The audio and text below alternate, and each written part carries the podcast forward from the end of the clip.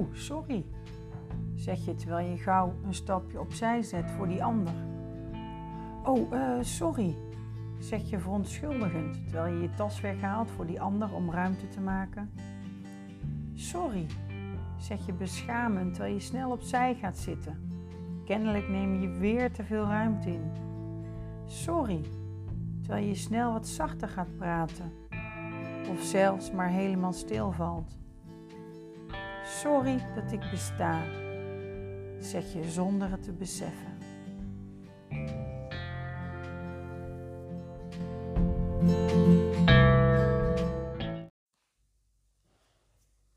Fijn dat je er weer bent. De laatste tijd valt het me op hoeveel mensen continu sorry zeggen. Sorry om het minste of het geringste. En ik deed het vroeger ook. Ik zei sorry bij alles tegen iedereen.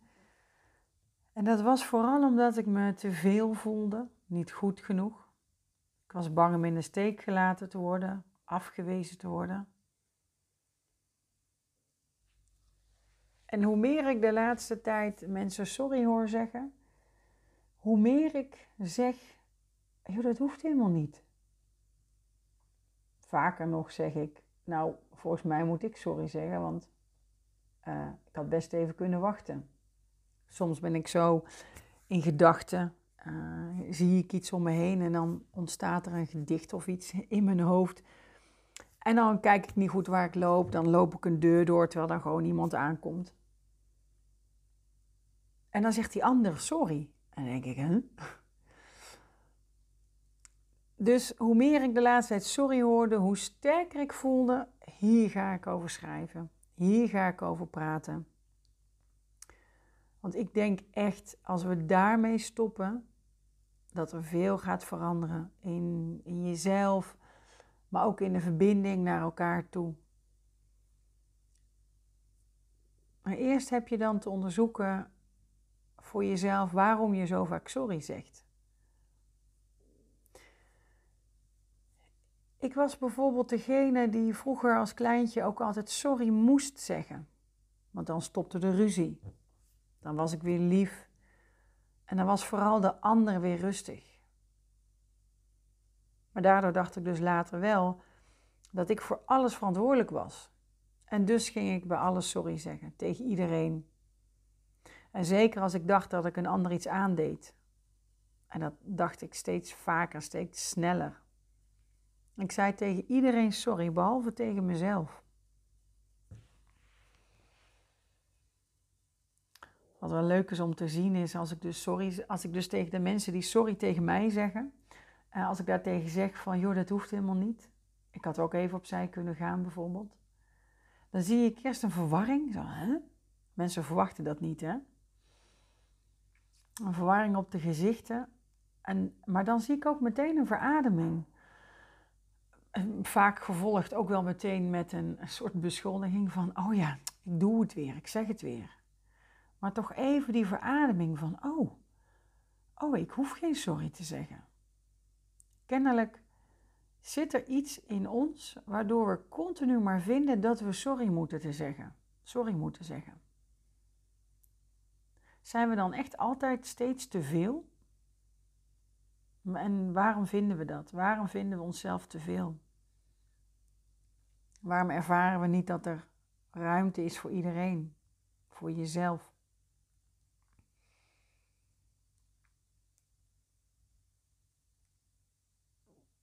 En hoe meer ik hierover nadenk, hoe meer ik uitkwam bij de vraag: is jouw sorry wel nodig?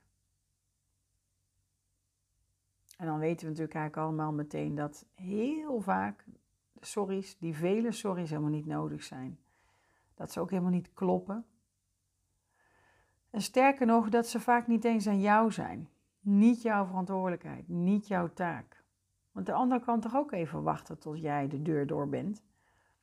Zelf even opzij gaan. Zijn of haar tas even zelf ergens anders neerzetten of even wachten tot je uitgepraat bent. Zeg jij vaak sorry? Begin dan eens met te kijken of het wel aan jou was om überhaupt sorry te zeggen op dat moment. En dan durf jij de juiste sorry te zeggen. Want stoppen met onnodig sorry zeggen is niet hetzelfde als nooit meer sorry zeggen. Nooit meer spijt betuigen. Sorry zeggen kan namelijk heel belangrijk zijn en echt nodig soms ook. Mits het klopt en het bij de juiste persoon is. De enige echte juiste sorry gaat over verantwoording nemen voor je eigen gedrag wanneer je werkelijk iets doet dat niet klopt, wat pijnlijk is voor de ander. Maar daarvoor moet je durven zien dat je een ander iets aandoet. En dit gaat niet over schuld, maar wanneer jij vroeger verantwoordelijk gehouden werd voor datgene dat niet van jou was, zal schuldgevoel een hele hardnekkige voor je zijn. Wanneer jij voelde te moeten zorgen vroeger voor het geluk van die ander, dan heb je jezelf en je eigen waarde ergens onderweg verloren. Dan wil je zo graag alles goed doen. Dan wil je zo graag goed gevonden worden. Maar zien dat je dan iets niet goed gedaan zou hebben, dat jij de ander pijn of verdriet aangedaan zou hebben, dat is iets wat je dan waarschijnlijk helemaal niet zo goed af zal gaan. Laat staan sorry zeggen tegen die ander. Verwijten ligt op de loer. De al onbekende, ja maar jij dan, jij doet toch ook, kijk, jij doet dit toch ook? Ontkennen, nee dat doe ik helemaal niet, dat heb ik niet gedaan. Zeggen dat de ander zich aanstelt en niet zo moet overdrijven. Het is altijd makkelijker dan dat jij moet zeggen, oh het spijt me dat ik je pijn deed. Om echt sorry te kunnen zeggen, moet je fouten durven maken. Echt sorry zeggen betekent verantwoordelijkheid nemen voor wat je doet.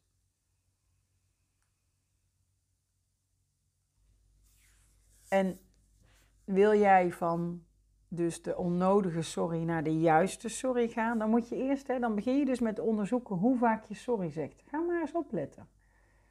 Durven, letterlijk, op je papiertje, je mobiel of gewoon in je hoofd. Ga maar eens opletten hoe vaak je sorry zegt.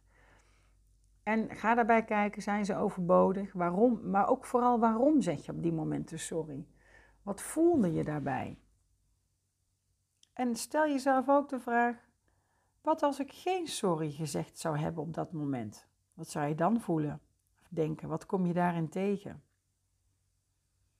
En heel belangrijk daarbij is dat je dan gaat voelen, onderzoeken waar je dat van kent. Hè? Herken je dat van vroeger toen je klein was?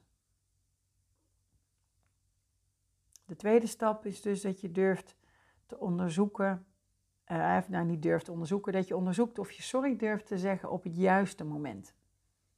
Alhoewel, iets onderzoeken heb je ook best wel wat lef voor nodig hoor, want je komt dan echt wel dingen tegen die zeer kunnen doen, confronterend zijn. Durf jij sorry te zeggen op het juiste moment?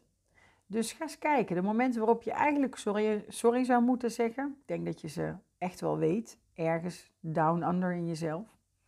Maar dat je ook wel weet dat het je niet lukt. Kan ook best zijn dat je dat terugkrijgt in je relatie. Um, maar het kan ook zijn naar je kind. Dat je de momenten wel ziet dat je boos was, maar er eigenlijk niks over durft te zeggen. Dat je misschien toch bij je kind legt. Of dat je gaat verklaren, ja, maar ik was zo moe. Is het schaamte, is het angst? Waar ben je bang voor? En wanneer je dat weet, zeg dan eens tegen je kleine ik dat ze er niks aan kan doen. Of hij. Dat je jouw kleine ik begrijpt en dat hij oké is. Vroeger toen je klein was, deed je toch niks verkeerd. Gewoon simpelweg omdat je niet beter wist. Besef dat jouw gedrag nu ergens vandaan komt.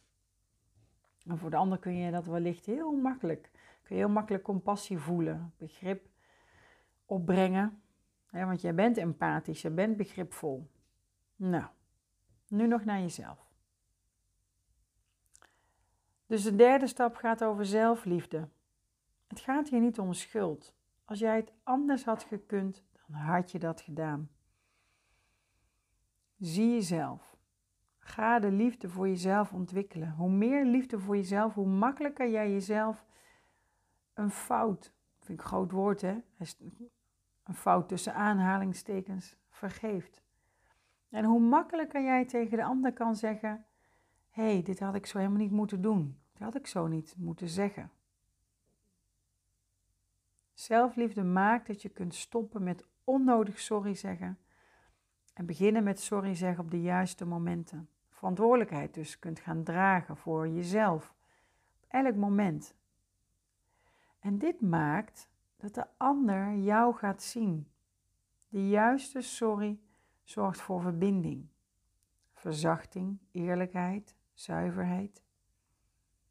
Want hoe meer jij vanuit jouw angsten, onzekerheden de ander maar wegwuift, hè, dus de, de, de, het ontkennen, vinden dat de ander zich aanstelt, ehm, hoe meer je daarmee die ander wegduwt. En, en, en hoe minder de ander jou kan zien. Want die komt dan ook weer in eigen stukken terecht. Hè? Die voelt zich afgewezen, die wordt boos, die gaat ook weer reageren op jou. Ook allemaal weer vanuit zijn of haar eigen patronen. Op het moment dat jij werkelijk sorry kan zeggen op het juiste moment, dan voelt die ander zich gezien en gehoord en gaat hij dus ook jou zien. En heb je de verbinding waar je naar op zoek bent. Dit soort zelfonderzoek is best wel pittig.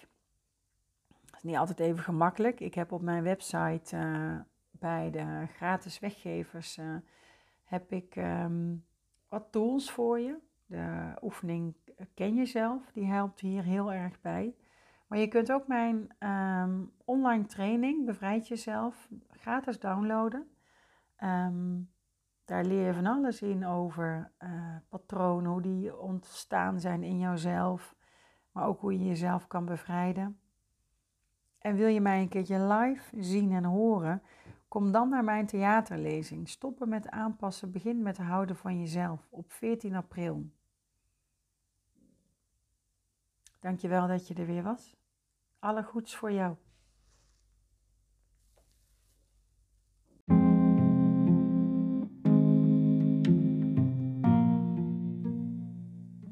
als het leven je inhaalt, jij achterop raakt, verstopt achter hopen en bergen, brokstukken en dalen.